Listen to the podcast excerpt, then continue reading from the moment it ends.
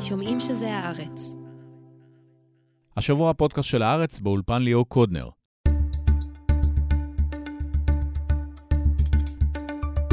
בעוד שצה"ל ממשיך בפעולה בתוך רצועת עזה, גובר הלחץ האמריקאי למתן את הכוח הצבאי. מנגד בישראל נשמעים קולות הזויים לשימוש בנשק אטומי או להחזרת ההתנחלויות בתוך עזה. עמוס הראל יעדכן מיד על ההתפתחויות האחרונות, אנשיל פפר, שחזר מסיור בתוך הרצועה, יספר על הערים שהושטחו לחלוטין והפחד מחמאסניקים שיכולים לצאת בכל רגע מתוך מנהרה. עם אורנה מזרחי נדבר על נסראללה, שלא ממהר להצטרף למלחמה באופן מלא, והאם ישראל הייתה צריכה לפתוח בעצמה בחזית שנייה כדי לסלק את חיזבאללה. ולבסוף גם על האנטישמיות שמרימה ראש באירופה ובאמריקה. נשאל האם נכון להשוות את מה שקרה בבארי ובפסטיבל המוזיקה לשואה. חוי דרייפוס תצטרף אליי לשיחה הזאת.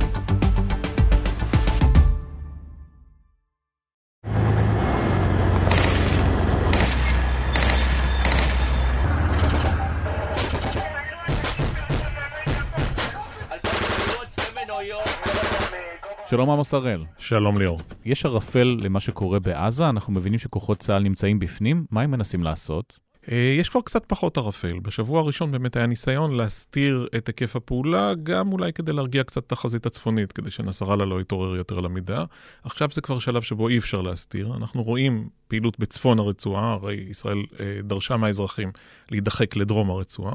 והמאמץ הוא בעצם כנגד המערכים של חמאס, באופן כזה שאתה מכתר כבר את העיר עזה. הקרבות שאנחנו שומעים עליהם כבר מתנהלים אה, בפאתי השטח הבנוי של העיר עצמה. אזורים כמו בית חנון או ג'באליה או בית לאיה כבר אה, ספגו וכוחות צה"ל כבר אה, פעלו בתוכם, ועכשיו זה מתקרב לתוך...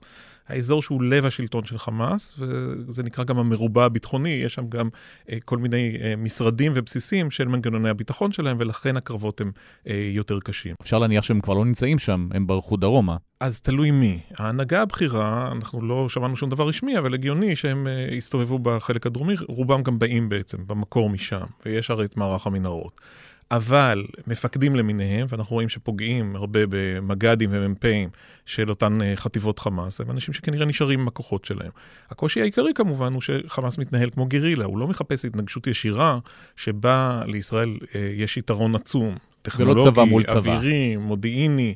כוח אש. מה שהם בעצם עושים זה פועלים מתוך השטח כגרילה, מזהים נקודות תורפה, ואחת לכמה זמן מגיחים מתוך הפירים הללו, מתוך המנהרות ומתוך הבתים ההרוסים, כדי לפגוע בחיילים. ואז מה שאתה מקבל הוא חיכוך מאוד קרוב ומאוד אגרסיבי, הפגיעות שפה ושם אנחנו רואים. אה, בנגמשים שלנו או בטנקים שלנו, לפעמים בכוחות רגליים. זה צוותי גרילה קטנים כאלה שיורים טילי נ"ט, שמצמידים אה, מוקש או מטען אה, לכלי רכב משוריין, וכך הם מייצרים נפגעים. בסוף, ברור שהסדרי גודל הם הרבה יותר נפגעים לכוח המגן. אבל השאלה היא בסוף איך אתה מודד את זה לאורך זמן, האם הכית מכה חזקה מספיק, האם שללת ממנו נכסים צבאיים וארגוניים, והאם אתה בכלל מתכתב עם המטרה, הרף המאוד גבוה שהוצב כבר בהתחלה, של אה, הפלת שלטון חמאס, השמדת שלטון חמאס והיכולות הצבאיות והארגוניות. כרגע גם אם אתה מתמקד רק בחלק הצפוני, וזה פחות או יותר מה שישראל עושה מהקרקע, אז מה קורה עם הדרום? שם יש לכאורה הנהגת חמאס, אמרת. עוד המון המון אזרחים, איפשהו מתקרב לשני מיליון איש. כי אנשים מהצפון ברחו דרומה. נכון, אז, ב... אז איך תפעל מולם בנסיבות האלה? אז בצה"ל אומרים, דיה לצרה בשעתה, כרגע אנחנו מתעסקים עם הצפון. אבל יש פה גם שאלה של אה, סינכרון שעונים. ישראל מדברת על חודשים ארוכים, האמריקאים, אני חושב, פחות אה, מוכנים לבלוע פעולה בהיקף כזה, באורך זמן כזה, ואנחנו גם רואים את הסבלנות הבינלאומית אה, הולכת ומתקצרת ככל שהתמונות מעזה קשות יותר. בהקשר הזה בוא נשמע את אנטוני בלינקן. It is important to reaffirm Israel's right to defend itself, indeed its obligation to do so, and to take necessary steps so that October 7th can never happen again. But it's also very important the way Israel does that. ברעיונות שהוא מעניק לתקשורת האמריקאית, לא בשמו כנראה, הוא מדבר על זה שצריכות להיות גיחות פנימה והחוצה, פנימה והחוצה. מה ההבדלים בגישות בין האמריקאים לבין צה"ל? אז זה פער די גדול. ישראל כרגע, אמנם לא מדברת על כיבוש הרצועה, גם ביידן ביקש מאיתנו לא לעשות את זה, אבל בעצם מפעילה כוחות גדולים. אנחנו שומעים על כוחות... אה, ממספר אוגדות, ורואים את התמונות, הכתבים שהתלוו בסוף השבוע ליחידות בשטח, אתה רואה מסה של חיילים ומסה של כלי רכב משוריינים. זה לא כוחות חטיבתיים קטנים, זה משהו הרבה הרבה יותר גדול מזה. אה, וישראל, לכאורה, אחרי הקיטור, תיכנס ללחימה על המערכים הללו, ההגנתיים של הליבה של חמאס. אם אתה רוצה, קודם היית בקליפה, ועכשיו אתה כבר מתקרב לליבה. ואלה יהיו קרבות קשים. האמריקאים אומרים, תשמעו, מוטב שתצאו החוצה די מהר, ואז תעשו פשיטות ממוקדות, תחליטו איפה אתם רוצים לפגוע, ותתמקדו שם, זה יהיה קל יותר גם מבחינת דעת הקהל הבינלאומית. בלינקן אומר עוד דבר, יוצא בוושינגטון פוסט, שוב, מקורות דיפלומטיים שנשמעים באופן חשוד כמו בלינקן עצמו, בואו נלך על הפסקה הומניטרית, הפסקת אש, חמישה ימים. מה זה אמור לתת? אולי אפילו את החטופים. אזרחים אה, בלבד, אולי כל החטופים. שמענו רעיונות שהשמיעו דוד מידן, שאול מופז, על לשחרר את כולם, כולל החיילים, תמורת כל האסירים. שיקבלו את הששת אלפים, כולל הרוצחים הכי גרועים, ושירקבו להם במנהרות אחר כך, הרי זה סוג מסוים של חשיבה. אני לא ברור לי עד כמה חמאס מוכן לזה כרגע, עד כמה הוא מתייחס לחטופים הללו כנכס שמוטב לו לשמר אצלו, כדי אה, לשרוד בהמשך. אבל יש בפירוש דיבור כזה, וצריך להודות, יש התנגשות מסוימת בין... היעדים המוצהרים של המבצע. מצד אחד, השמדת חמאס, השמדת משטר חמאס, כולל אה, כניסה קרקעית ולחימה מאוד מאוד אגרסיבית, ומצד שני, שחרור כל החטופים. אנחנו גם רואים שחמאס משחק על זה, כי הוא מדי פעם הודיע שכך וכך עשרות חטופים אה, נפגעו לכאורה. אנחנו לא יודעים אם זה אמיתי. לוחמה פסיכולוגית. יכול להיות פה בהחלט אה, לוחמה פסיכולוגית. חמאס לא חתום פה על שום מחויבות לאמת, וברור שהוא מורט את העצבים שלנו עם המידע הזה. אבל יש פה קושי, אתה לאט לאט רואה דברים שהם אה, רצונות או מטרות שמתנגשות זו בזו, וקשה מאוד להכיל אותם יחד. בואו נחשוב לרגע על נתניהו. הוא מייצר מצד אחד הבטחה להפלת שלטון חמאס, מצד שני הבטחה לשחרור החטופים. הרי אם עוד שבוע, שבועיים, שלושה לא ישוחררו החטופים, אז ההפגנות שראינו אתמול אה, בירושלים ובתל אביב יהיו ממש עניין קטן בהשוואה לזעם שהתעורר על תושבי העוטף או אה, משתתפי המסיבה שהופקרו פעם אחת למותם, ואם הם איכשהו ניצלו, אז המדינה שכחה אותם בפנים. אם לעומת זאת אה, יהיה הסכם על הפסקת אש וישוחררו החטופים, ייווצר לחץ עצום הן מהכוחות שפועלים בשטח, אנשי מילואים שיגידו, גייסו אותנו לחודש, חודשיים, היינו מוכנים לתת הכל, אבל הנה, הבטחתם להרוס את חמאס ואתם לא עושים את זה. אתם לא מוכנים להסתכן. זה גם עניין של ימין ושמאל. אני לא בטוח שזה נחתך בדיוק לפי קווים של שמאל רוצה חטופים בבית וימין רוצה להרוס את עזה, אנחנו יודעים שהדברים יטשטשו קצת, אבל הממשלה פה בעצם הולכת בתוך נתיב מאוד מאוד צר, שכל פנייה שלה, ימינה או שמאלה, אה, תייצר לה התנגשות עם הציפיות הציבוריות, שלא ממש מתיישבות אחת עם השנייה. אם לשיטתך בעזה אין, אין אה, בלתי מעורבים ולא היו צריכים להכניס סיוע הומניטרי, מבחינתך מחר בבוקר הציפייה שלך שהיינו מטילים פצצת אטום על כל עזה, משטחים אותה, מחסלים את כל מי שנמצא בה, ובא לציון גואל? זה דרך אחת. ודרך שנייה היא גם לבדוק מה חשוב להם, מה מפחיד אותם, מה, מה ייצור להם את ההרתעה הבאה. אנחנו לא לוקחים בחשבון שיש לנו 240 או אפילו יותר מספר כל כך גדול של חטופים שנמצאים שם? אסור לקחת את זה בחשבון. במלחמה אנחנו משלמים מחירים, מה זה, מה זה חטופים? אני, אני אומר, החטופים, למה החיים של החטופים יותר חשובים מהחיים של החיילים, או מהחיילים של, או מהחיים של, של אנשים שירצחו אחר כך בעקבות אה, הזיות כמו של שאול מופז? אם נדבר על השר עמיחי אליהו, אז הוא פתאום מדבר על זה שצריך לזרוק פצצת אטום על עזה. נתניהו השעה אותו אחר כך, שלא ברור מה זה הצעד הזה, אבל זה בטח לא תורם לעמדה הישראלית אה, בזירה הבינלאומית. אז תראה, לפני שנה וחצי, שנינו הסתכלנו הרבה על המלחמה באוקראינה, וראינו שם כל מיני מסרים של פוטין בהיבט של שימוש בנשק גרעיני, ומדי פעם כבר היו גם כל מיני גנרלים מטורללים רוסים בערוצים שלהם, וכל מיני אנליסטים שהתחילו לאיים בדבר הזה. אמרנו, מטורפים, איך זה יכול להיות? מה, כי האוקראינים האמיצים עצרו אתכם, אז אתם רוצים פתאום, אה, גם שם אגב משתמשים הרבה בתיאורים של נאצים וכולי, אז אתם מדברים על אטום, והנה, עברו כמה שבועות, וגם אצלנו כבר... אימצנו את זה גם פה. אז שוב, זה לא אימצנו, זה השוליים הכי הכי מטורללים של הקואליציה, אבל זו מפלגה, זו עוצמה יהודית, זו מפלגה עם לא מעט מנדטים. אה, אני בטוח שנתניהו אה, ספק את כפיו היום, שזה נראה לו כמו רעיון מזעזע. אני לא יודע מה שווה ההשעיה הזאת. אני מניח שהרוב המכריע של הציבור, וגם בזירה הבינלאומית, מבינים שמדובר באמת בלוויינים מטורללים. אבל זה מתחבר להרבה דברים אחרים שקורים פה. בן גביר ישב בשקט כמה שבועות, ועכשיו הוא מחלק נשק, הצל מסתובב עם כיתת כוננות בתל אביב.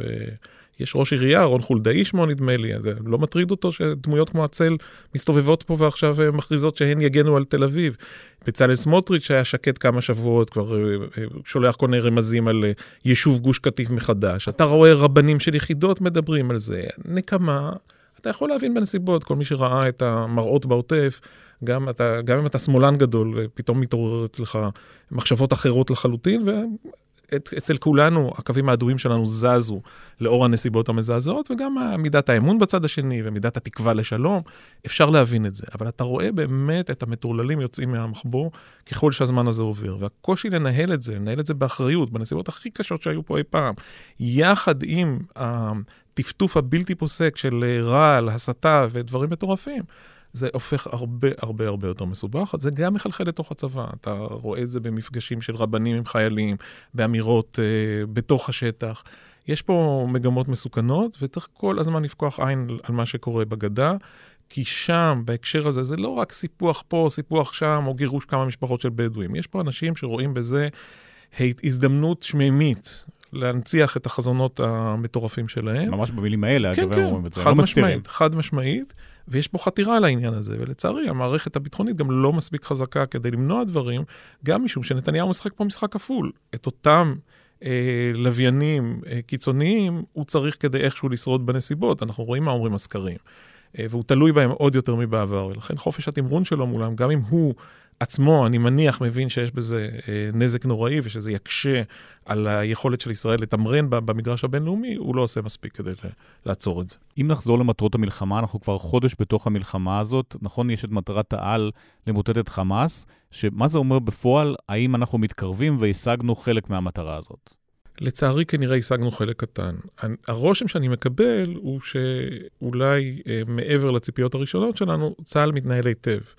אחרי המכה, אחרי הזעזוע, אחרי הטיפול השערורייתי בימים הראשונים, אתה רואה התאוששות. אני מסתובב הרבה במפקדות השונות, גם אה, צמודות לגדר וגם אחורנית, אתה רואה עבודה מקצועית, אתה רואה אנשי מילואים שהגיעו. תראה דוגמה טובה, מה שקורה בגבול בלבנון. צריך להיזהר ולא להכריז שם על ניצחונות יותר מדי, אבל היכולת לסגור מעגל פעם אחר פעם, לזהות את האויב, להביא מודיעין איפה הוא נמצא, לפגוע בו באופן מדויק. אתה רואה שחיזבאללה שם סופרת מיטב בעשרות רבות, כיוון שישראל מתנהלת חכם. במידה רבה זה קורה גם בעזה. כלומר, מפקדים מקצועיים, אמונה גדולה בצדק, בצדקת הדרך, שזה מאוד מאוד חשוב, נכונות ונחישות של הכוחות, ופעולה שהיא פעולה טובה ומקצועית. אחרי שאמרנו את כל זה, הנסיבות הן קשות, האויב מסתתר. אתה מייצר מטרות בזה שיש כל כך הרבה חיילים וכלים בפנים. אתה מייצר לו גם מטרות שהן פגיעות יחסית בתוך האזור הזה שעבר כזאת טלטלה, הבניינים ההרוסים וכדומה. והייתי נזהר מאיזה קביעות יותר מדי דרמטיות על מידת הנזק. אמר את זה אלוף המילואים גיורא איילנד אתמול בחדשות 12, הוא היה מאוד בוטה יחסית ל... בדרך כלל מה שאתה מקבל שם, שועלי שלשום שדוהרים פנימה ומטיפים לקוחות על, על כיבוש הרייכסטאג או מה שזה לא יהיה, איילנד דיבר אחרת. הוא אמר, תשמעו, הפוש, הפיקוד והשליטה של חמאס עובד. הם מפעילים שם מתקפות של רחפנים, הם מפעילים שם מתקפות של פצצות מרגמה. אמר שזה מלחמה של שנים. יורים נ"ט, הוא נשמע פסימי. אז אני לא בטוח שהוא צודק בכל ההבחנות שלו, אבל צריך לשים לב גם לזה, וצריך להיזהר למשל מהספירת גופות. זו מלכודת שהאמריקאים נפלו לה בווייטנאם, וגם ישראל פעם אחר פעם במלחמות שונות כמו לבנון השנייה. אבל אנחנו הרגנו להם יותר.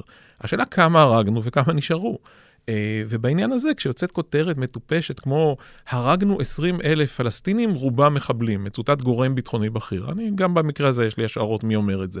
ראשית, לפי הערכות הפלסטיניות נהרגו 10,000. ייתכן שיש עוד נעדרים מתחת להריסות במנהרות. מאיפה אתה יודע שזה היו הרוב מחבלים? הרי זה לא סביר. בסוף גם במלחמות שבהן צה"ל מאוד מאוד נזהר בהפעלת האש, היחס היה בערך 1 ל-2 או 1 ל-3 חמושים מול אוכלוסייה. אנחנו יודעים שארצות הברית במוסול וברקה היחס היה 1 ל-10. נגיד שצה"ל משתדל יותר, עדיין, בהשוואה לאמריקאים. איך יכול להיות ש... הרגת יותר מחבלים משהרגת אזרחים בנסיבות הללו, זה לא נשמע לי סביר. בקיצור, מאוד מאוד מציע להיזהר מהכרזת ניצחונות בטרם עת. אני בהחלט שואב אה, נחמה ועידוד מהאופן שבו מפקדים מדברים, מהאופן שבו הם מתנהלים, ממה שאני רואה אצל אנשי מילואים שיוצאים ו- ונכנסים לרצועה. הנחישות הזאת היא חשובה מאוד בנסיבות, אבל כדאי להיזהר עם הכרזות ניצחון, עוד אה, יש פה אה, דרך ארוכה לעבור בתנאים לא קלים, ואמרנו מראש, עצם הגדרת המטרות, מטרות די גבוהות ודי קשות להשגה בהתחשב בנסיבות, וכל הזמן צריך להסתכל גם על הקהילה הבינלאומית והאופן שבו היא מציבה שעונים לישראל. אני כן חושב שיהיו עוד הרבה מקרים של פגיעה באזרחים, יהיו שאלות של ישראל אה, שלוקחת סיכון מחושב, כלומר, מחליטה להרוג את המג"ד הזה או את המח"ט ההוא, גם אם יש כך וכך אזרחים בתמונה ויש סכנה שהם ייפגעו. תשים לב שחלק גדול מההתנגשויות או התקיפות האוויריות שלנו פוגשות אמצעי לחימה. מתחת לאדמה שלהם, אתה רואה פיצוצים משניים, ההתנגשות הזאת של חומר נפץ שלנו עם חומר נפץ שלהם יוצר... פתאום יש פצצה ויש איזה משהו מטורף נכון, שקורה מתחת. כי אה, חמאס באמת אה, מחזיק מצבורי נשק מטורפים מתחת לאוכלוסייה האזרחית. למרות שלפי דיווחים אמריקאים, ישראל משתמשת בפצצות מאוד מאוד חזקות הפעם, שלא השתמשו אף פעם. אתה יכול לשמוע אותם בתל אביב לפעמים, אתה שומע את ההפצצות בעזה, זה דבר מדהים, מרגישים את הרעידות. אבל מצד שני, נדמה לי שאבו מרזוק, אחד מבכירי חמאס, הסביר שהם לא צריכים לדאוג לאזרחים. המנהרות זה בשביל חמאס, ולמעלה זה אחריות של האו"ם ושל אה, ישראל. הגישה היא מאוד מאוד צינית. אני חושב שאנחנו בשלב כזה או אחר ניתקל באירוע כפר כנא. אני מזכיר לך, גם ב-96 בענבי זעם וגם ב-2006 במלחמת לבנון השנייה, היו uh, תקיפות ישראליות uh, שהביאו לפגיעה מסיבית באזרחים, זעם בינלאומי, ובסוף זה הצר את הצעדים הישראלים. זה יכול לקרות גם הפעם, ואני חושב שלאט לאט המטוטלת הזאת של האהדה היחסית של מדינות המערב, בוודאי של ממשלות המערב, לאור מה שעשו לנו ביום הראשון, זה קצת מתכווץ לו, ואנשים מחפשים קונטקסט, ומתחילים לדבר איתך על 48 ועל 67, וסכסוך קולוניאליסטי ועניינים אחרים. אני חושב שבסוף הצדק המובהק נראה לי עם המהלכים הישראלים, אני לא בהכרח שלם עם רף הציפיות ועם המטרות, אני לא בטוח שאני יודע איך משיגים אותם, אבל אני חושב שלגבי צדקת הדרך אין לי הפעם אה, ספקות. ישראל באמת מצאה את עצמה אחרי תרדמת של שנים, מתמודדת עם אויב אחר לחלוטין, וככל שאתה שומע יותר על האירועים עצמם, אתה מבין שהסיסמה הזאת של חמאס ודאעש, היא לא סתם סיסמה, זאת אומרת, חמאס הכין את האנשים שלו גם מבחינה דתית לסוג של ג'יהאד שהוא אחר לחלוטין, כלומר, בלי שום אה, רחמים על אזרחים. יכול להיות שהיו פה ושם מקרים, ויש עדויות כאלה, של החלטה של איש חמאס ספציפי לא להרוג את הילד הזה או את האישה הזאת. אבל יש מאות מקרים אחרים שבהם אנחנו רואים שזה מה שהם עשו, כולל הלקיחה הצינית המוחלטת של נשים זקנות, של נשים צעירות יותר, של תינוקות. ילדים, של תינוקות. כשאתה רואה תינוק בן עשרה חודשים בעזה, אז קשה עכשיו לדון בעוולות הכיבוש שנעשו קודם ומה קרה לעם הפלסטיני ב-48. אני מציע לנו לא להיסחף למקומות של נקמה ושל אה, אה, סדיזם לשמו. אבל אה, אין לי הפעם שום אה, דילמה באשר לצדקת הדרך. אני חושב שישראל פה באיזושהי מלחמה שהיא אולי לא קיומית, אבל הסכנה היא עצומה, האויב הוא באמת אויב מסוג אחר לחלוטין, והצורך להכות בו הוא מאוד מאוד ברור, כי אתה חייב לשדר מסר לסביבה. אנחנו, זו לא הבעיה היחידה שעומדת לפתחנו, עוד לא דיברנו כמעט על חיזבאללה והגבול הצפוני. אם אנחנו לא מתנהלים בצורה חזקה ונחושה אה, מול חמאס, אנחנו עלולים למצוא את עצמנו עם בעיות לשנים גם בגבולות אחרים. בדיוק בהקשר הזה, האמריקאים לישראל בינתיים אומרים בחדרים סגורים דברים שונים ממה שהם אמרו קודם, ומבחינת ההגנה האווירית... בהקשר הלבנוני. גם, גם בהקשר הלבנוני וגם בהקשר של תימן, הם כן אומרים, אנחנו עוזרים לכם. הם עוזרים לנו מאוד. אז קודם כל הם עוזרים לנו הגנתית, ראית את זה כבר בשבוע הראשון. ואתה רואה את הפריסה שלהם, אבי שרף, ידידנו, עוקב אחרי זה ברמה יומית. אתה רואה נושאת מטוסים אחת עם כוח המשימה שלה אה, בים התיכון, בין כריתים לקפריסין, מסתכלת ללבנון. אתה רואה את הנושאת מטוסים השנייה יורדת לתעלת סואץ ודרומה, לכיוון ים סוף, כדי להגן מאיומים שם.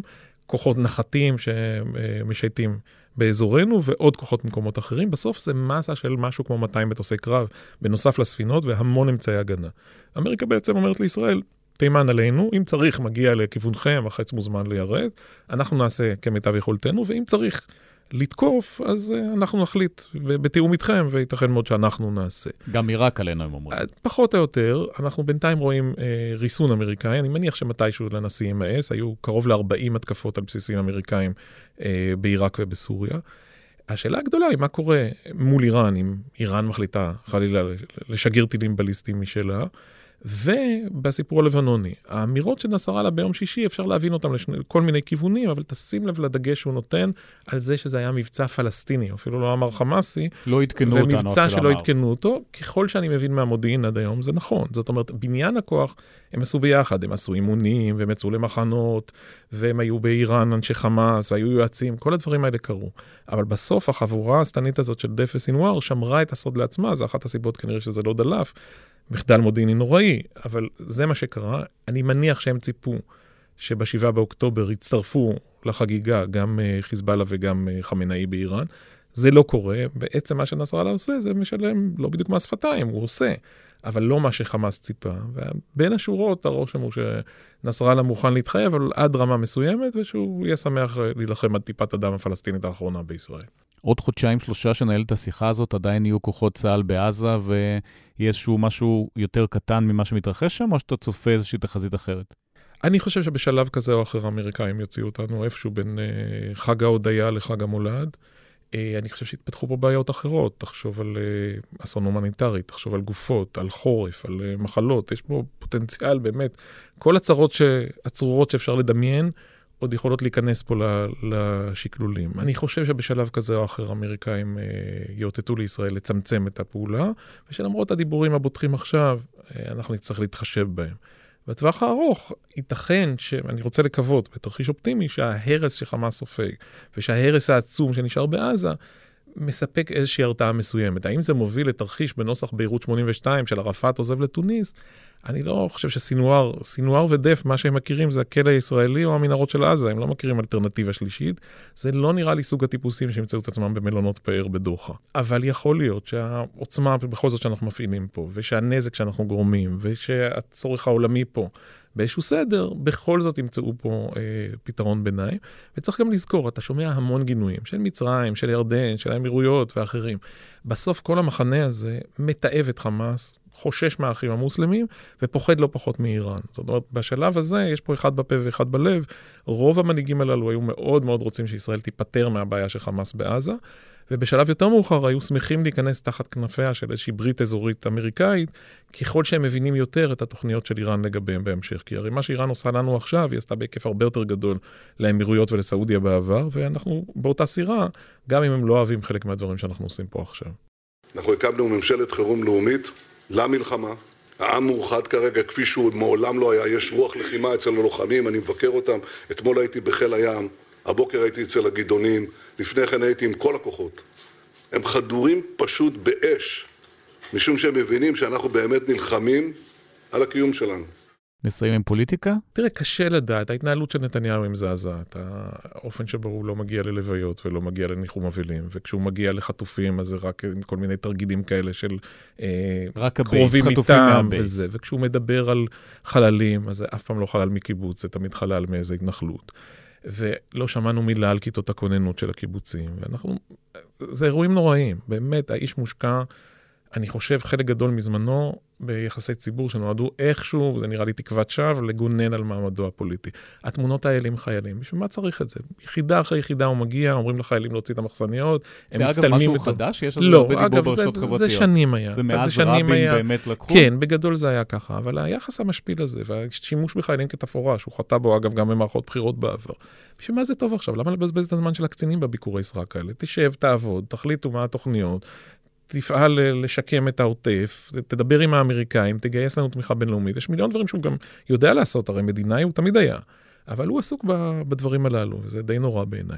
אני חושב בסוף, אחרי האסון הנורא, שההפגנות שנראה פה לא היו דומות בשום דבר להפגנות השמאלניות הנחמדות שראינו בבלפור ובקפלן לאורך השנים האחרונות. עם הנימוס הזה שקצת חוסמים את איילון וקצת רבים עם שוטרים, אתה רואה כבר את האנרגיות שבאות מהכיוון של החטופים, של משפחות החטופים, ואתה תראה אנרגיות אחרות שיבואו מאנשי מילואים שישתחררו, אה, ויהיה להם מה להגיד על מה שקרה כאן. אני חושב שפנינו לסערה פוליטית גדולה.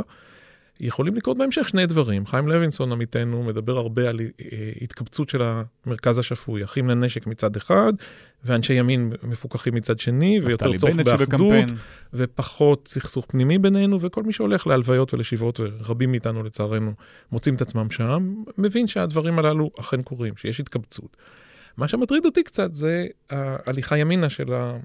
אגב, חלק מזה מוצדק כמובן, גם אני עברתי איזה תהליך התפכחות ביחס לחמאס ולסיכויי שלום עם הפלסטינים, אבל כשזה מתורגם לשאיפות של לחזור לגוש קטיף ולהבטחות אלוהיות, ובעצם זה תקופת מבחן שהאל אה, אה, גזר עלינו ואנחנו צריכים להתחזק. איזשהו ארמגדון גדול שבסוף כן, יצא ממנו משהו טוב. כן, זה מאוד מאוד מטריד אותי, ושוב, התופעות האלה של הבן גבירים והצל ועניינים אחרים, אני חושש שזה ילך רחוק מדי, גם בהקשר של היחסים עם ערביי ישראל. וצריך להגיד, עד עכשיו ערביי ישראל, אולי בעיקר בגלל פחד יותר מכל דבר אחר, הזירה הזאת לא התעוררה.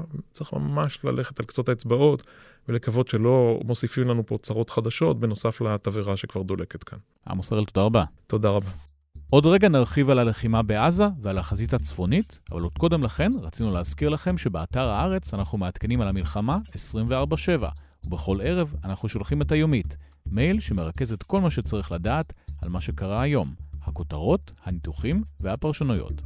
לקבלת היומית, היכנסו לתיאור הפרק של השבוע באתר הארץ ובאפליקציות להאזנה, ולחצו על הלינק להרשמה. בסוף השבוע ביקרו שני כתבי הארץ ברצועת עזה, יניב קובוביץ' ואנשל פפר, שתכף יהיה איתנו. אני אקריא כמה מהדברים שהוא כתב. כשהשיירה המשוריינת שיוצאת מבסיס זיקים עוברת את גדר הגבול המפורקת ונכנסת לשטח, מתגלית נוכחותם של אנשי חמאס הבלתי נראים. תחילה בשני מטחי טילים שחולפים בגובה נמוך מעל השיירה, מכוונים לאשדוד. דקה לאחר מכן, מתפוצץ מטען צד ליד הטנק שמוביל את השיירה, אך ללא נפגעים.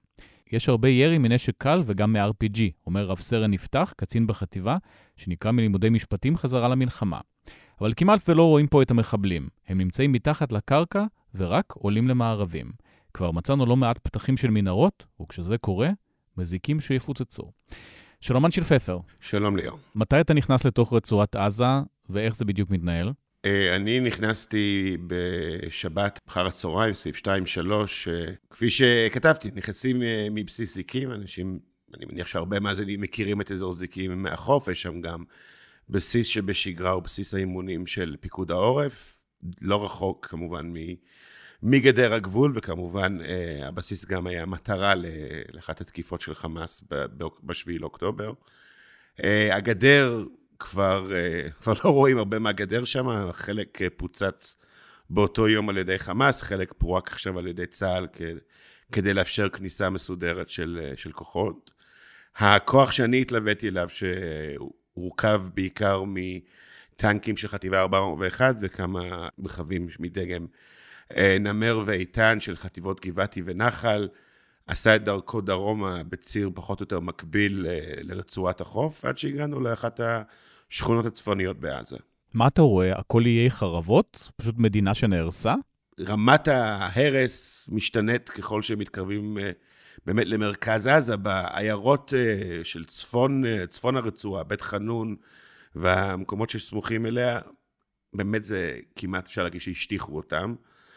ככל שמתקרבים לעזה עדיין יש יותר בניינים עומדים, חלקם נפגעים, חלקם עומדים בשלמותם. עדיין שטח בנוי, עוד לא שטח הרוס. רואים אנשים?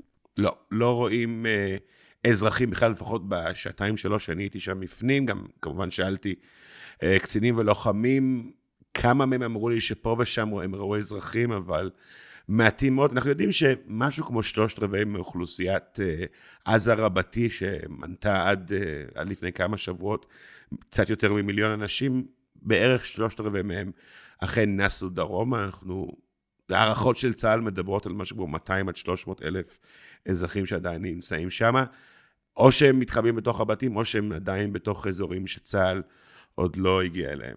אותן מנהרות, אז אתה מצליח לראות אותן, או שזה באמת מתחת לקרקע, לא חשוף בכלל, ומדי פעם מישהו יוצא ומנסה לראות משם? אני בביקור שלי לא... בסך הכל הגענו בנסיעה מאוד מאובטחת, בשיירה משוריינת.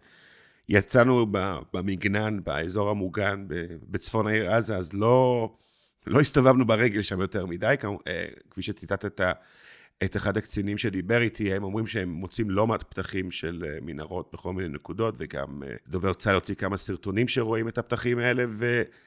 בוא נגיד, זה לא, זה לא סוג המקום שחיילי צה"ל רוצים להישאר בקרבתם הרבה זמן. גם יודעים כמובן שבכל נקודה יכול פתאום להיפתח עוד פיר של מנהרה ולצאת משם מערב, אבל אני פיזית לא ראיתי פירים בביקור הזה. מה המוטיבציה של החיילים? מה הם אומרים לך?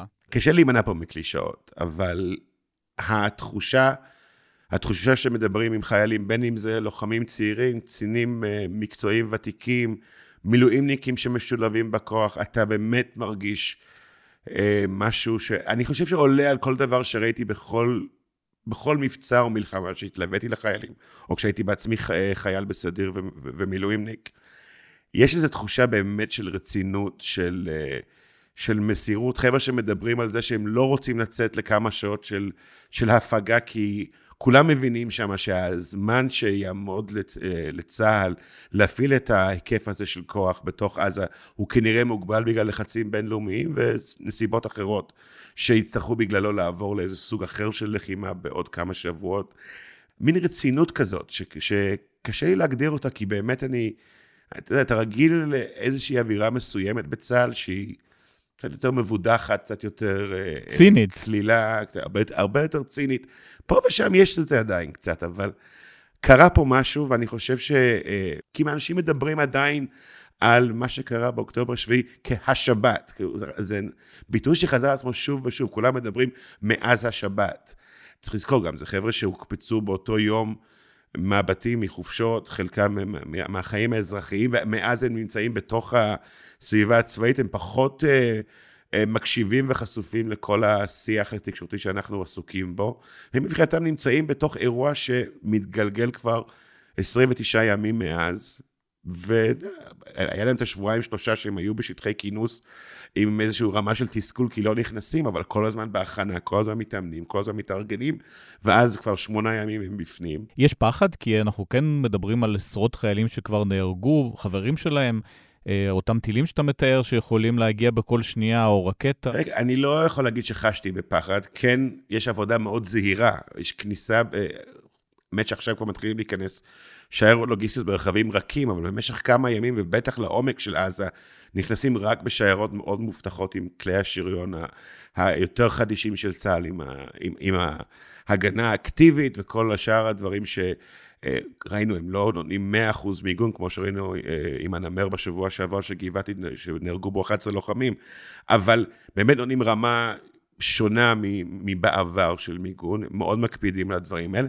מצד שני, בכל זאת, נמצאים שם בפנים כבר שמונה ימים, יש איזה סוג של שגרה של שהות, ואולי אם אה, איזשהו מפקד קפדני היה מסתובב ואומר, חבר'ה, אל, אל תעמדו כאן ותקפידו להיות עם קסדה כל הזמן, פה ושם אתה רואה, אני לא הייתי קורא לזה התרופפות, אבל מעין שגרה של שהות בעזה, אבל גם זה עובר תוך שניות ברגע שנשמע ירי או שנופלים פצצות מאבק בקרבת המקום וכולם תופסים עמדות קרב.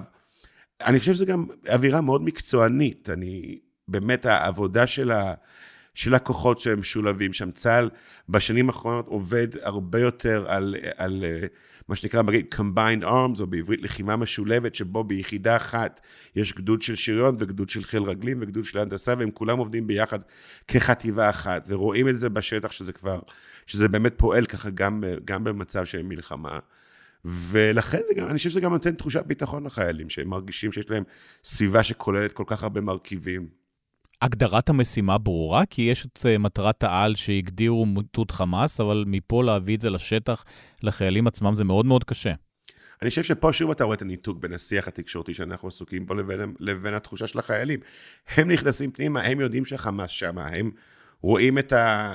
הם, הם שומעים ולפעמים גם סופגים את הירי ואת הטילים ואת הפצמ"רים, הם מבינים מול מה הם נמצאים, הם מבינים שבכל 100 מטר של התקדמות, כרוכה בזה אה, עוד שלב של לחימה. מבחינתם, זה מה שהם עושים, הם נכנסים, וכל התנגדות של חמאס, וכל חמאסניק יתנגד ברגע שעוברים את השטח שלו, הם צריכים להילחם בזה, ולא... הם לא עסוקים יותר מדי, אולי בדרגים קצת יותר גבוהים, הם לא עסוקים יותר מדי בשאלה האם מטרת המלחמה זה מיטוט או, או השמדת החמאס. זה סמנטיקה שאנחנו מתעניינים בה, לא, לא הלוחמים בשטח.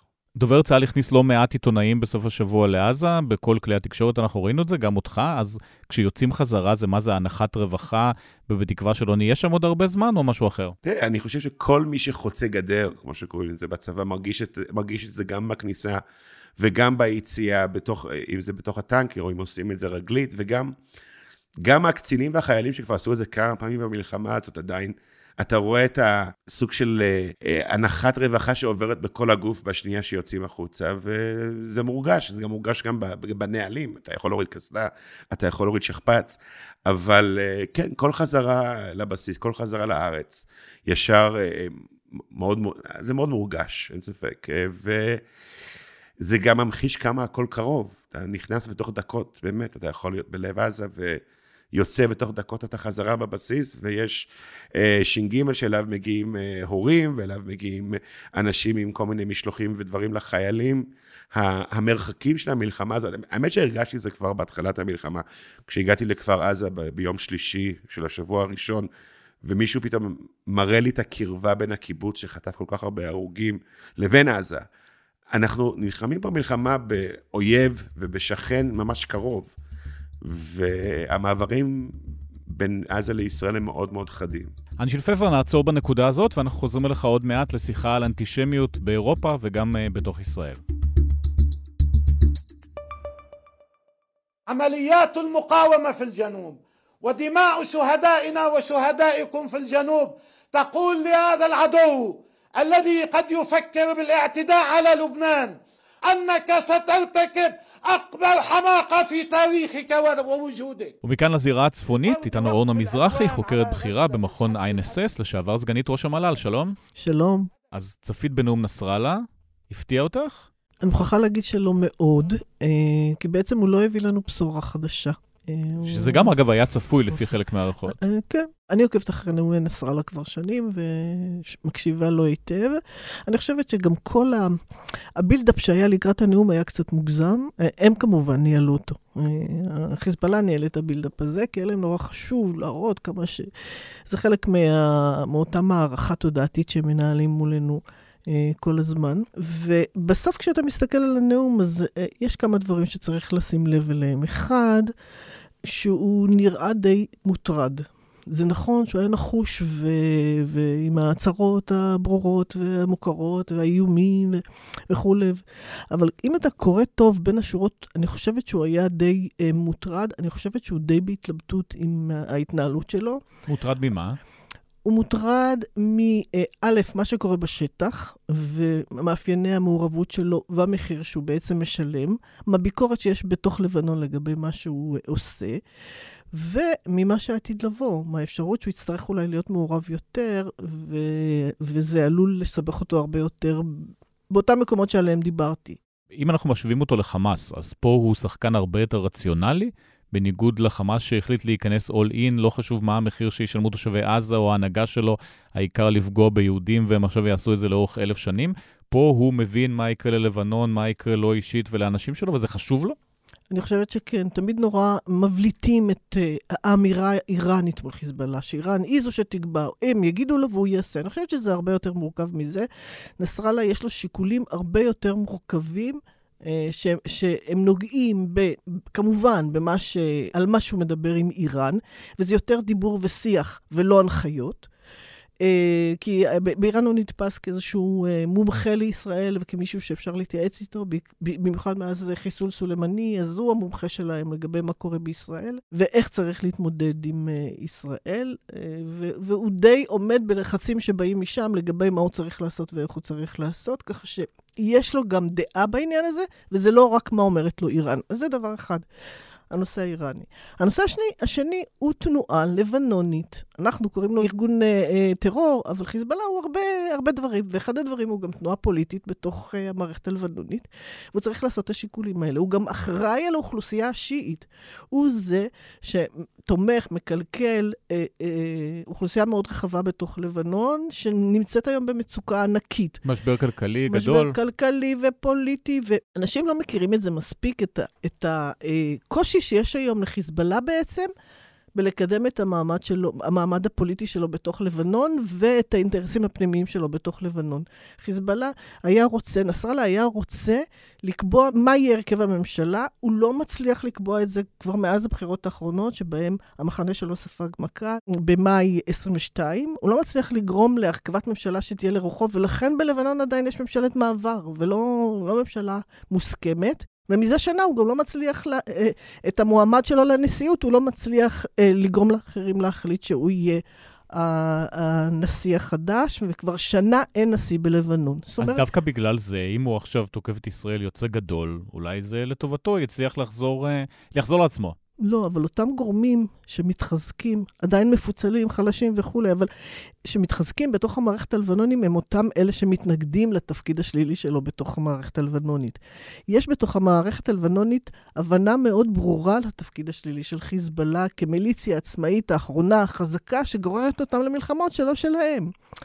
אתמול הייתה איזושהי אמירה נורא מעניינת של שר החוץ הלבנוני, שאמר, אנחנו לא נגיד לחיזבאללה מה לעשות, כי אנחנו לא יכולים להשפיע עליו, ועדיף לנו לא להיכנס איתו לעימות, כי זה יוביל למלחמת אזרחים רחבה, ואנחנו מעדיפים כבר מלחמה עם ישראל שתיקח אה, שבוע-שבועיים עד שמועצת הביטחון תעצור אותה, ולא מלחמת אזרחים אה, אה, בתוך לב... ארוכה ומתמשכת בתוך לבנון. שגם זה הם מכירים, נזכיר. שהם מכירים את זה היטב.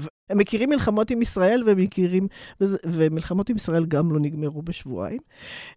אבל הם כנראה מעדיפים שלא להיכנס לתוך מלחמות אזרחים וויכוח פנימי עם חיזבאללה. כוח הנשק שלו, העוצמה שלו, מופנית לא רק מול ישראל, מופנית גם פנימה, ולכן יש אה, חששות מאוד גדולים בהקשר הזה, ולכן כל הדברים האלה מאוד משפיעים על השיקולים שלו, ואני לא צריכה להכביר על המצב הכלכלי הקשה והמוכר של לבנון, שגם הוביל אותו, אותם בסופו של דבר לחתימה על ההסכם על סימון הגבול הימי, כי הם חשבו שהם יזכו באיזשהם אה, אה, דיווידנדים בעניין הזה לשיפור המצב שלהם, שכרגע מסתבר שכנראה לא בטוח שיש שם גז.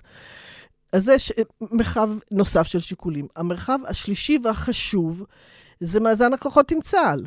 זאת אומרת, חיזבאללה מבין שעם כל העוצמה שיש לו, והוא מתרברב בזה כל הזמן, כולם מדברים על ה-150 אלף uh, טילים, מספר טילים טיפולוגי. טילים מדויקים שיכולים ליפול בכל מקום. ויש לו גם טילים מדויקים, ויש לו דברים אחרים, אבל בסופו של דבר העוצמה של צה"ל עולה על זה פי אה, אה, כמה וכמה, ולכן הוא מבין שבסופו של דבר התוצאה של חיכוך מאוד רחב עם, אה, עם ישראל, הוא יסב לישראל נזק, אבל הנזק למדינה הלבנונית ולארגון ולאוכלוסייה השיעית וכלל לבנון הולך להיות מאוד גדול. ולכן זה גם אה, חלק מתוך אה, אה, השיקולים שהוא אה, מתייחס אליהם. أساطيلكم في البحر الأبيض المتوسط هذه لا تخيفنا ولم تخفنا في يوم من الأيام ודבר חשוב שאני, שאסור לי, אסור לנו לשכוח, שהוא מאוד רלוונטי לעכשיו, זה כל הנושא של ההתייצבות האמריקאית לצידה של ישראל, שאת זה גם, גם ראינו לזה ביטוי בנאום שלו ביום אה, אה, שישי. שהוא ייחס לזה מקום מאוד נכבד, ואפילו ראה לנכון לאיים על האמריקאים. ותמיד אני אומרת, איפה שהוא מאיים, אז הוא גם מפחד.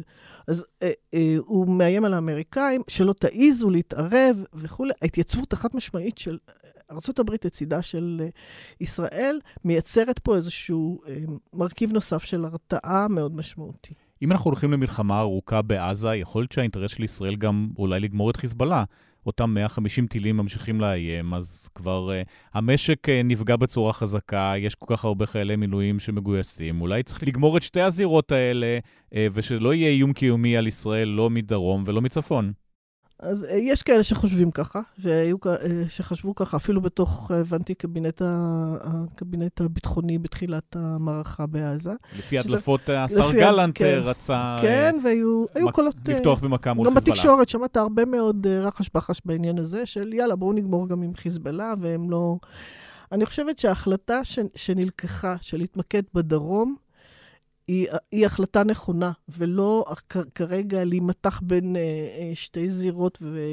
ובעניין הזה הוא צודק. יש שני כאבי ראש, לא כאב ראש אחד. והכאב ראש של חיזבאללה הוא אה, הולך להיות כאב ראש מאוד גדול לעורף.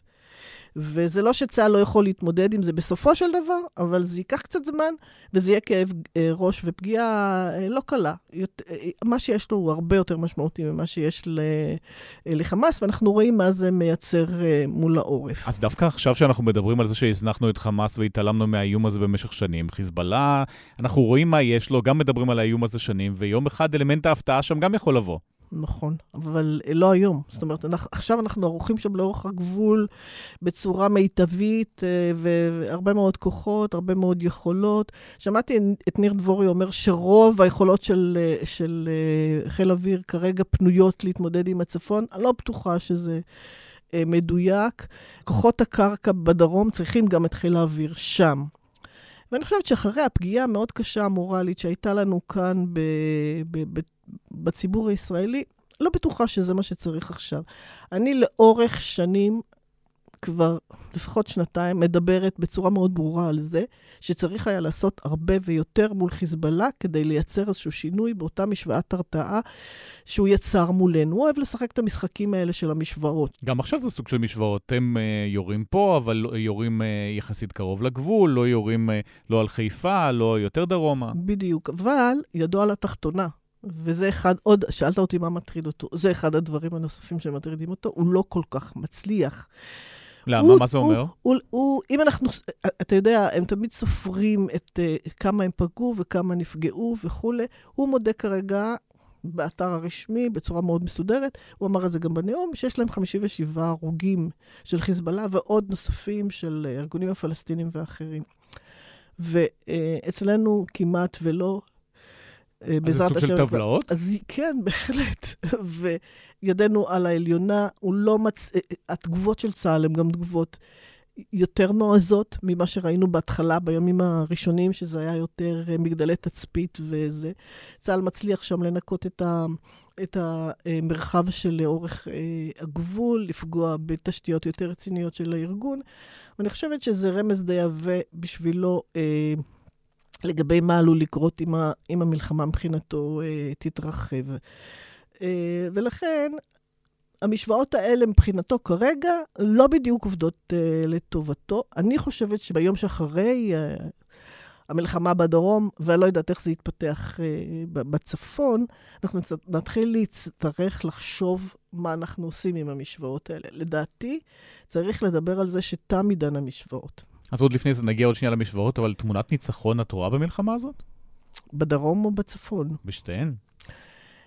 אה, נורא קשה כרגע. תראה, זה, זה מאוד קשה, כי המשימה שניתנה לצה"ל בדרום היא קשה. היא, זה ייקח הרבה זמן. מיטוט חמאס. ו, כן. והשאלה אם היא אפשר... אה, יש כאלה שאפילו מפקפקים בזה שהיא אפשרית. היא אפשרית, אבל היא תלוית. לגיטימציה בינלאומית, אורך נשימה יותר ארוך. ויכולות יש, יכולות יש, והנכונות לשלם מחיר. אה, ואנחנו יודעים שהציבור הישראלי די קצר מה, מהבחינה הזאת. אני אומרת, את המחיר כבר שילמנו. שילמנו מחיר כבד. אותם הרוגים ב-7 באוקטובר. אותם הרוגים, אה, אה, באמת, מחיר כבד שאף אחד לא חשב עליו קודם. אז בואו לפחות נשיג את המיטב שאפשר מהדבר הזה. אני, אם, אם ייתנו לנו להמשיך ולעבוד, אז אפשר אולי לעשות שם ולייצר שם איזושהי מציאות חדשה. עם גדול. Uh, כן, אבל... Uh, uh, ולכן קשה לי להתנבא לגבי התוצאות של הדבר הזה. בכל מקרה, אנחנו כנראה נצ... נשאף לייצר מציאות חדשה, גם אם התוצאה לא תהיה מיטוט החמאס, אז שהמשטר הביטחוני בזירה הדרומית יהיה אחר, שצה"ל אה, אולי יתפוס חלק מהאזורים. אה, יש כאלה שמדברים על רצועת ביטחון, למי שמתעסק בלבנון, רצועת ביטחון זה מונח, גרועה. כן, מונח לא. אה, אז, אז משהו אחר, אבל בוא נדבר על משטר ביטחון אחר שם בגבול הדרומי, כדי שהתושבים יוכלו לחזור ליישובים, וכנ"ל גם לגבי הגבול הצפוני. יש לנו כרגע מפונים גם משם. רוב המפונים משם. אה, וצריך, אה, וצריך אה, לתת להם ביטחון כדי להבטיח שהם יוכלו לחזור גם לשם. אז אותן משוואות שהזכרת, מה זה אומר? שאם מורידים לנו בלון בדרום, צה"ל תוקף מיד ברצועה, או אם יש ירי נ"ט על הר דוב, אז ישראל מיד מגיבה בירי מאוד מסיבי? מה את רואה? תראה, לאורך uh, השנים לפני, uh, לפני השביעי באוקטובר, הטענה הייתה שאם צה"ל יגיב בעוצמה יותר גדולה, תיפתח מלחמה בצפון. אני חושבת שהשיקול הזה הפך להיות לא, לא רלוונטי. צה"ל צריך להוכיח שידו על העליונה ו, ולפעול ביד קשה. יהיה איזשהו אירוע, אם יוחלט בסופו של דבר, אני מקווה, על איזושהי הפסקת אש אה, אה, לאורך הגבול וכמה שיותר אה, מהר, הצפוני אני מדברת כרגע, השאיפה שלנו צריכה להיות, והם מדברים כל הזמן על הרצון שלהם, אה, שמעתי את uh, uh, ראש ממשלת המעבר הלבנוני אתמול, הוא היה במצרים, הוא נפגש עם בלינקן. הם רוצים uh, להחזיר את 1701, את ההחלטה שקבעה שיוניפיל פועל בשטח, ובעצם המהות של ההחלטה, שלא מיושמת להגביל כבר, להגביל את חיזבאללה. היא להגביל את חיזבאללה ולדחוק אותו מעבר לליטני. אנחנו צריכים לראות איך אנחנו מייצרים מציאות שתהיה קרובה לדבר הזה. איך אנחנו דוחקים את חיזבאללה אחורה מהגבול, שכרגע הוא היה אצלנו, הוא, הוא ממש על הגבול. אה, איך אנחנו מייצרים איזושהי מציאות חדשה ודוחקים את אה, אה, חיזבאללה אחורה, או במעשה או במהלך מדיני. ודבר שני, איך אנחנו באמת במדיניות התגובה שלנו לא נענים למשחק שהוא, זה משחק שהוא מקדם, של המשוואות האלה. כי זה נוח לו. כי מאוד נוח לו לייצר את אותן אה, אה, משוואות ולפעול על פי אותן משוואות. זאת אומרת, יש כל הזמן הצקות, יש אקשן, הוא בכותרות, הוא בתקשורת. כן, וישראל מגיבה, מכילה, אני חושבת שהתגובה הישראלית צריכה להיות הרבה יותר אה, משמעותית, ויש עדיין איזשהו מרחב של פעילות שישראל יכולה לעשות, עדיין מתחת לסף המלחמה, בלי שלמחרת בבוקר אנחנו נגיע למלחמה רחבה אה, בצפון. וגם אם נגיע לשם, אז רצינו בסופו של דבר לגמור עם חיזבאללה, אז אולי זאת תהיה ההזדמנות לעשות את זה. אורנה מזרחי, תודה רבה. תודה לך. The fallout from the war in Israel is spreading to the nations in the form of rising anti Semitism. In the Russian Republic of Dagestan, an anti Semitic mob stormed an airport where a plane from Tel Aviv landed. In the United Kingdom, tens of thousands of pro Palestinian demonstrators fill the streets of London. Britain's rabbi says Jews there are more afraid now than at any time since World War II. מיד לאחר ההתקפה הרצחנית של חמאס ב-7 באוקטובר, התחילו גם גילויי אנטישמיות כלפי יהודים ברחבי העולם. איתנו שניים, פרופסור חוי דרייפוס, אוניברסיטת תל אביב ויד ושם, שלום. שלום וברכה. ואנשיל פפר שחוזר אלינו, שלום. שלום ליאור, שלום חוי. חוי, זה מנגן על אותם דברים של אנטישמיות ישנה שפשוט מתפרצת עכשיו כי אפשר לתקוף יהודים, או שזה משהו חדש לחלוטין? אני חושבת שאנטישמיות זה מושג מאוד מאוד רחב, כולנו יודעים, ויש בו הרבה מאוד גילויים והרבה מאוד צורות וכולי. לפני בערך אה, קצת יותר משנה יצא בעברית קרח שניסה לעסוק במושג הזה אנטישמיות, בעריכתם של אה, סקוט אורי וגיא מירון, ובין השאר הוא הגדיר כל מיני שאלות שקיימות בנוגע לאנטישמיות. אחת השאלות היא בדיוק זאת, האם לאורך כל ההיסטוריה, כל הדברים שקרו, האם הם אנטישמיות? מה בדיוק המקום של אנטישמיות בשואה? ומה הקשר בין, שוע, בין, בין אנטישמיות ובין אנטי-ישראליות? אז אי אפשר, אני חושבת, להתעלם מכך שיש כמובן מרכיבים אנטישמיים ברורים אצל החמאס, ואי אפשר להתעלם ממה שקורה בכל מיני קמפוסים בארצות הברית ובמקומות אחרים.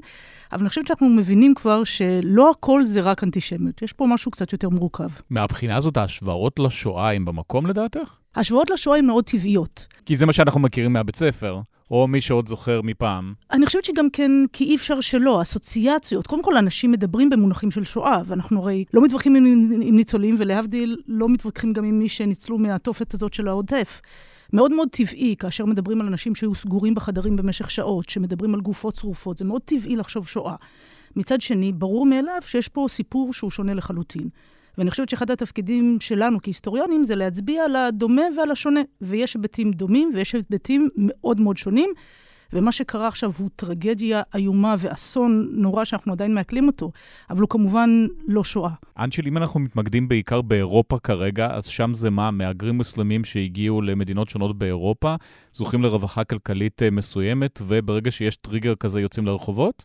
זה קיים, אבל זה, זה ממש לא רק זה. אני חושב שמה שאנחנו רואים עכשיו זה סוג של התלכדות של שלושת סוגי האנטישמיות המוכרים לנו. גם היסטורית וגם uh, בעידן הנוכחי, הזכרת את המאגים המוסלמים ואת האנטישמיות המוסלמית שקיימת. ראינו אותה כמובן ב-7 באוקטובר במתקפות על הקיבוצים ועל, ועל העוטף. יש את ה... קצת את הימין הקיצוני אה, של פעם, הוא פחות נוכח, אבל הוא גם קיים שם, וכמובן שגם הוא מאוד אה, שמח לראות משפחות יהודיות נרצחות. ואז יש לנו את האנטישמיות השלישית, שהיא אנטישמיות שבדרך כלל אה, לא לגמרי מודעת לעצמה, ובוודאי לא מוכנה שת... לקרוא לעצמה אנטישמיות, והיא. היא, היא מה שמגיע מחוגי השמאל, השמאל הקיצוני, השמאל הפרוגרסיבי, ש... אה, עשה מין סובלימציה של אנטישמיות אה, לאנטי-ציונות ולביקורת אה, ממש לא, לא הגיונית על ישראל בהקשרים האלה. ו... כל מיני אינטלקטואלים שלא מוכנים לגנות את פעולת חמאס, אבל מגנים את הפעולה של ישראל בעזה. בדיוק, אנשים שיגידו, מה פתאום, אנחנו לא אנטישמים, אנחנו רק אנטי-ציונים, אבל ב, ב, גם במילותיהם ובדברים שהם לא אומרים, הם בעצם שוללים את האנושיות של יהודים וישראלים. חבי, איך אפשר בכלל להילחם בזה? ישראל מתמקדת בהסברה, אומרת, אנחנו נראה מה שקרה ב-7 באוקטובר, אבל האנשים האלה לא מוכנים לשמוע, הם, הם לא איתנו. קודם כל, אני חושבת שבאמת יש פה הרבה מאוד סוגים שונים. זאת אומרת, זה שאנשים מתבטאים בצורה שלנו נראית אנטישמית, המניעים שלהם הרבה מאוד פעמים הם אחרים, ולכן יש לנו כאן קבוצות שונות. הסיפור של השמאל הליברלי שמתבטא בצורה אנטישמית הוא מטריד במיוחד, במיוחד שזה קורה גם כן באותן אוניברסיטאות עילית ובמקומות אחרים. למה הוא מטריד במיוחד? אה, זה לא הרבה אנשים, זה אנשים אכן שהם אינטלקטואלים ואנחנו אוהבים לצטט אותם והם לא איתנו פה, אבל בסוף זה מיעוט קטן שנהנה מחיים מאוד יפים בקמפנוס, בקורנל או ב-NYU, וזהו. אז אני מודה ומתוודה שיש לי ויכוח עם בעלי, שאני באמת חושבת שמשמעותיים, כי הם מי שינהיגו גם את אה, ארצות הברית ועוד כל מיני מקומות אחרים בעוד כמה שנים. בעלי טוען שהם אה, מיעוט קטן, כמו קוראי הארץ וכמו אה, אותם אינטלקטואלים, אבל אני חושבת שאנחנו לא יכולים אה, להקל ראש בהופעה הזאת, ובמיוחד, ב, כמו שאנשל אמר, בהיעדר הגינוי של כל כך הרבה ארגונים, זה לא רק ארגוני שמאל, זה ארגוני נשים וזכויות אדם וכולי, שפתאום נעלמו דום. ומדובר על ארגונים שבוודאי התבטאו, גם כשהיו דברים באוקראינה, או גם כשהיו במקומות אחרים, הם התבטאו, ופתאום כשזה מגיע ליהודים, יש פה איזושהי שתיקה. עכשיו, השבר פה הוא שבר מאוד מאוד גדול, גם של אנשים שראו את עצמם עד לפני ארבעה שבועות משתייכים לקבוצה הזאת. ופתאום התברר שבזמן שאותם אנשי שמאל...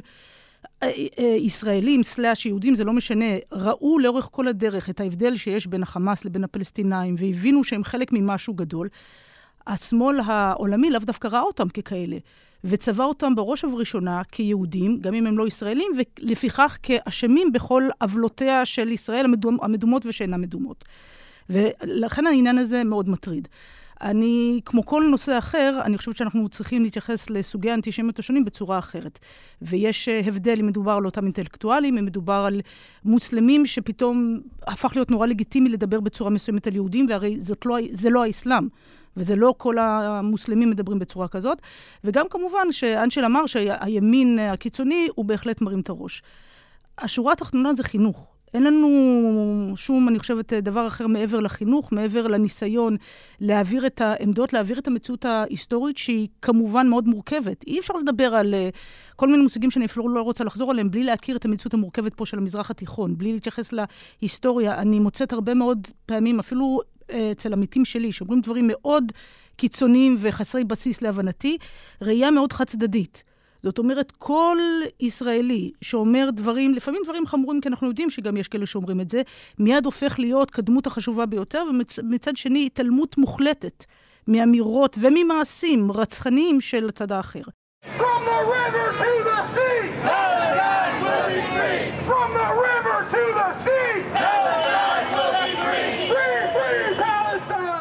אבל איך אפשר לחנך ככה? באמת מאוד קשה, אנשים ברחובות צועקים אה, פלסטין אה, מהנהר עד הים, הם לא באמת יודעים איזה נהר זה, איזה ים זה, אולי לא יודעים שזה אומר הכחדה של ישראל.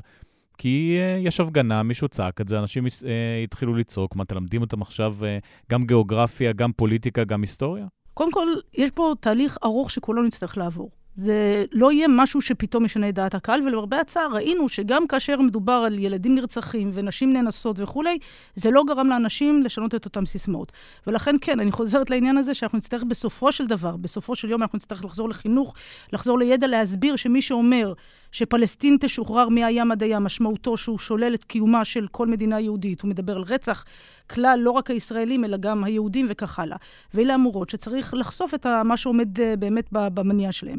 להגיד שזה קל, להגיד שזה פשוט, להגיד שזה, אפשר לעשות את זה במיוחד עכשיו, כשאנחנו יודעים שיש עוד כל מיני דברים, אני לא אגיד. אני חושבת שלא תהיה לנו ברירה מעבר לחינוך ולהעביר את המסרים היותר מורכבים. אנצ'יל, עד כמה מסוכן להיות כרגע יהודי בעולם, כשאנחנו רואים גם באוניברסיטאות בארצות הברית תקיפות של יהודים, גם בצרפת, אה, גם אה, מה שראינו ברוסיה לפני שבוע? נורא קשה להעריך אה, את הרמה של האיום הפיזי שנשקף ליהודים. כי כרגע אנחנו מדברים, נכון, נזכרת, היו כמה מקרים של תקיפה פיזית, והייתה דקירה של אישה, של אישה יהודייה בליון אתמול, ראינו את הניסיון הפוגרום סלש לינץ' שניסו לעשות לנוסעים בנמל תעופה בדגסטן. אי אפשר כרגע לצפות באיזה נקודה הדברים שכרגע עדיין בעיקר ברמה מילולית וברשת, וכמו שהזכרת את ההפגנות, יהפכו באמת ל... לפגיעה פיזית ביהודים. יש כמובן גם שמירה, בחלק גדול מהמקומות שמירה מאוד uh, משמעותית סביב מוסדות יהודים, בתי ספר, בתי כנסת וכולי.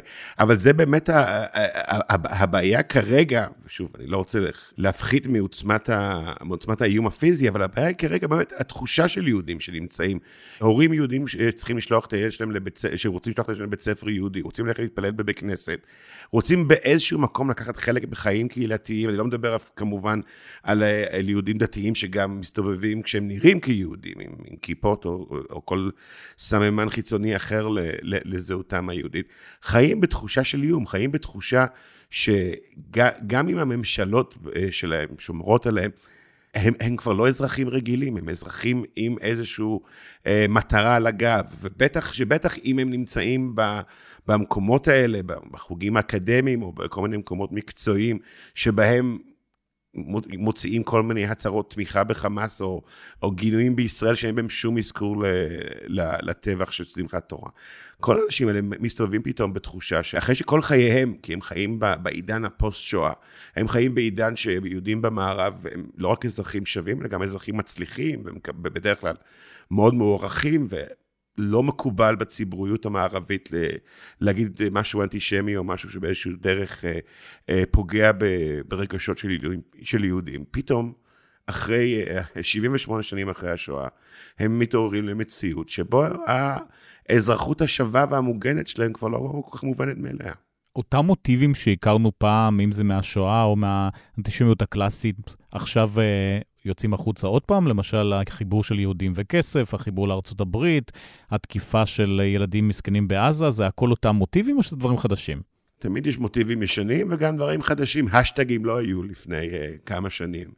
וכל הסצנה הזאת, ב, ב, בכלל ברשתות, הופכת את הנושא הזה להרבה יותר נוכח בחיים של אנשים. ברגע שאתה מצייץ או, או מעלה פוסט שתומך בישראל, ומביע את הדאגה שלך בתור יהודי לקרובים שלך ולחברים שלך בישראל, ואתה מותקף בעשרות ומאות תגובות, חלקם מאנשים אמיתיים, חלקם מבוטים שמי יודע מאיפה הם מופעלים, אתה פתאום חי במציאות שיש בה כמובן מוטיבים שמזכירים את המציאות היהודית של, אה, אה, ההיסטורית, וגם משהו חדש לחלוטין, שבכל דור ודור ממציאים דברים חדשים אה, בשביל להשתלח ביהודים. אני חושבת שבעניין הזה באמת אפשר לראות כיצד אה, דימויים יכולים להיות דימויים סותרים, ועדיין מסמנים את היהודי הנבזי. מצד אחד היהודים מוצגים כפריבילגיים וכבעלי כוח, ומדינת ישראל מדינה כל כך כל כך חזקה ומבצעת אה, לכאורה אה, דברים שלא יעשו וכולי, ומצד שני, היהודי. המבוזה וכולי וכולי, ובהחלט מתהדרים על המעשים הנוראים שנעשו. זאת אומרת, זה, זה אולי הבעיה שיש לנו כחוקרים בהתייחסות לאנטישמיות, כי אנחנו מתייחסים כאנטישמיות כמושג מאוד גדול, אבל איך אנחנו יכולים להשוות מצד אחד מעשי רצח ממשיים, שברור שיש בהם איזשהו מוטיב אנטישמי, אפילו ניקח את אותה אישה בצרפת, ולא רק את מה שקרה כאן בארץ. מצד שני, דברים שהם רק הפגנות, או רק אמירות, או רק בדיחות, או כל מיני דברים כאלה. ולכן, היום כשאנחנו מדברים על אנטישמיות, אנחנו מדברים על כל מיני סוגים שונים, שבמקרה הזה כולם מתפרצים. והם כולם מתייחסים ליהודי כמי שיש בו איזשהו כוח דמוני שגורם, דרך אגב, אם באמת אה, ייגררו כאן עוד אה, גזירות למלחמה, אז היהודי כמחרחר מלחמה וכולי. גם עניין הכסף, אגב, אם נזכיר למשל, הדיבור באוניברסיטאות אמריקאיות זה בעיקר שהתרומות מיהודים עשירים בעולם נפסקו, ולכן זה מפעיל לחץ על מנהלי הקמפוסים. ובזמן שאנחנו יודעים שהיו תרומות לא מעטות של קטר ושל אחרים, שבוודאי לא כל ההפגנות שיש כרגע כנגד ישראל הן ספונטניות. זאת אומרת, יש כאן הרבה מאוד דברים מעבר, ואנחנו נצטרך זמן ללמוד גם את האירועים הללו. אבל ברור שאנטישמיות היא חלק מהסיפור. ואם היו ויכוחים, והיו ויכוחים, עד כמה אנטי-ישראליות היא אנטישמיות, או מתי ביקורת על מדינת ישראל הופכת להיות דבר אנטישמי. תנועת ה-BDS שהיה בהקשר הזה. תנועת ה-BDS, אה, ויכוחים על הגדרת האנטישמיות, המושג של מוסר כפול, מה שאסור לאחרים וכך הלאה,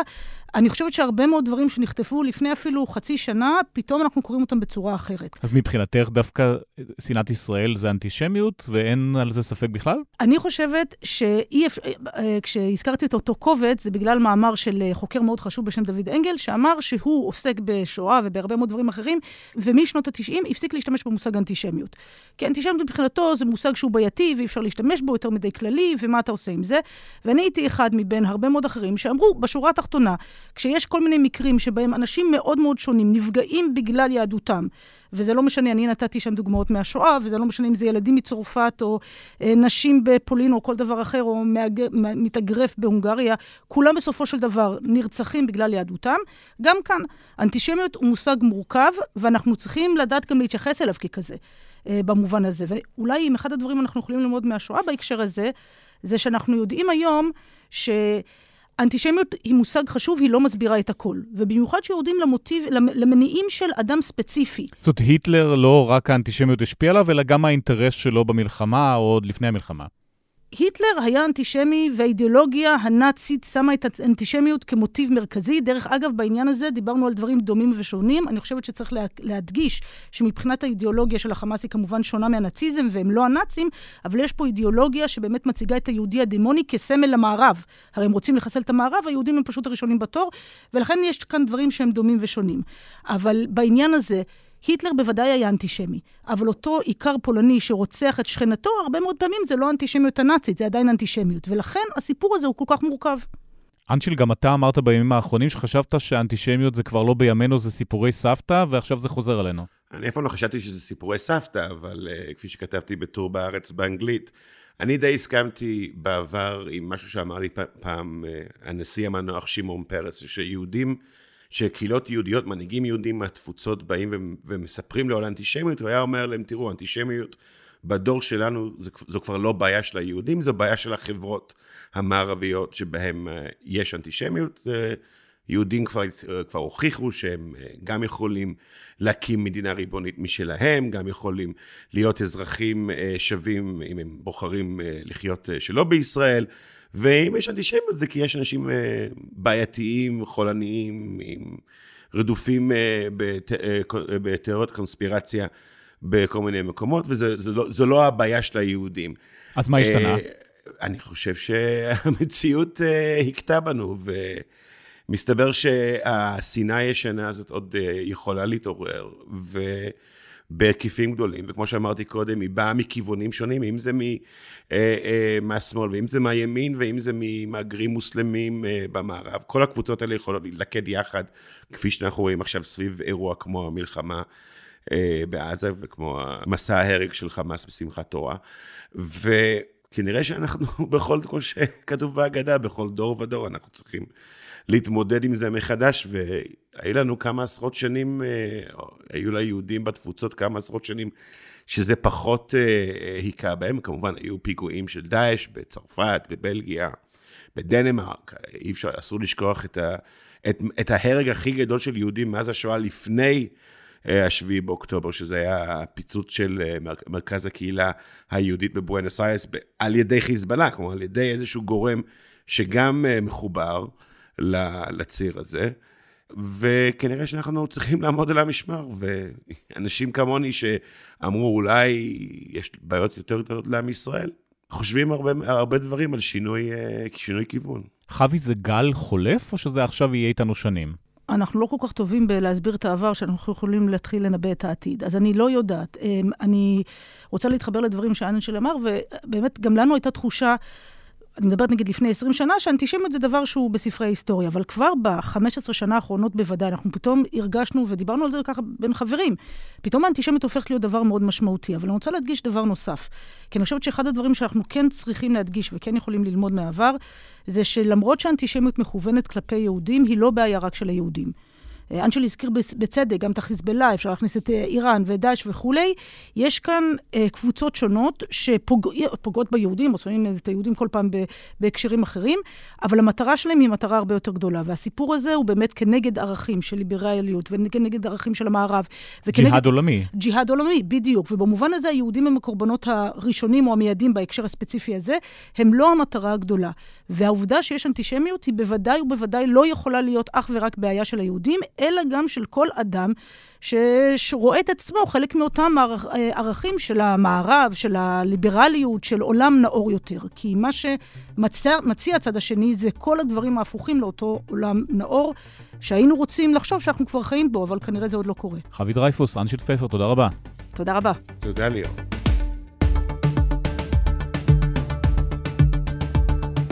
עד כאן הפרק הראשון שלנו לשבוע הזה. בצוות ניצה ברגמן, אמיר פקטור, אסף פרידמן, דן ברומר, שני אבירם, נערה מלקין ואברי רוזנצבי. אני ליאור קודנר, נהיה פה שוב ביום שלישי הקרוב.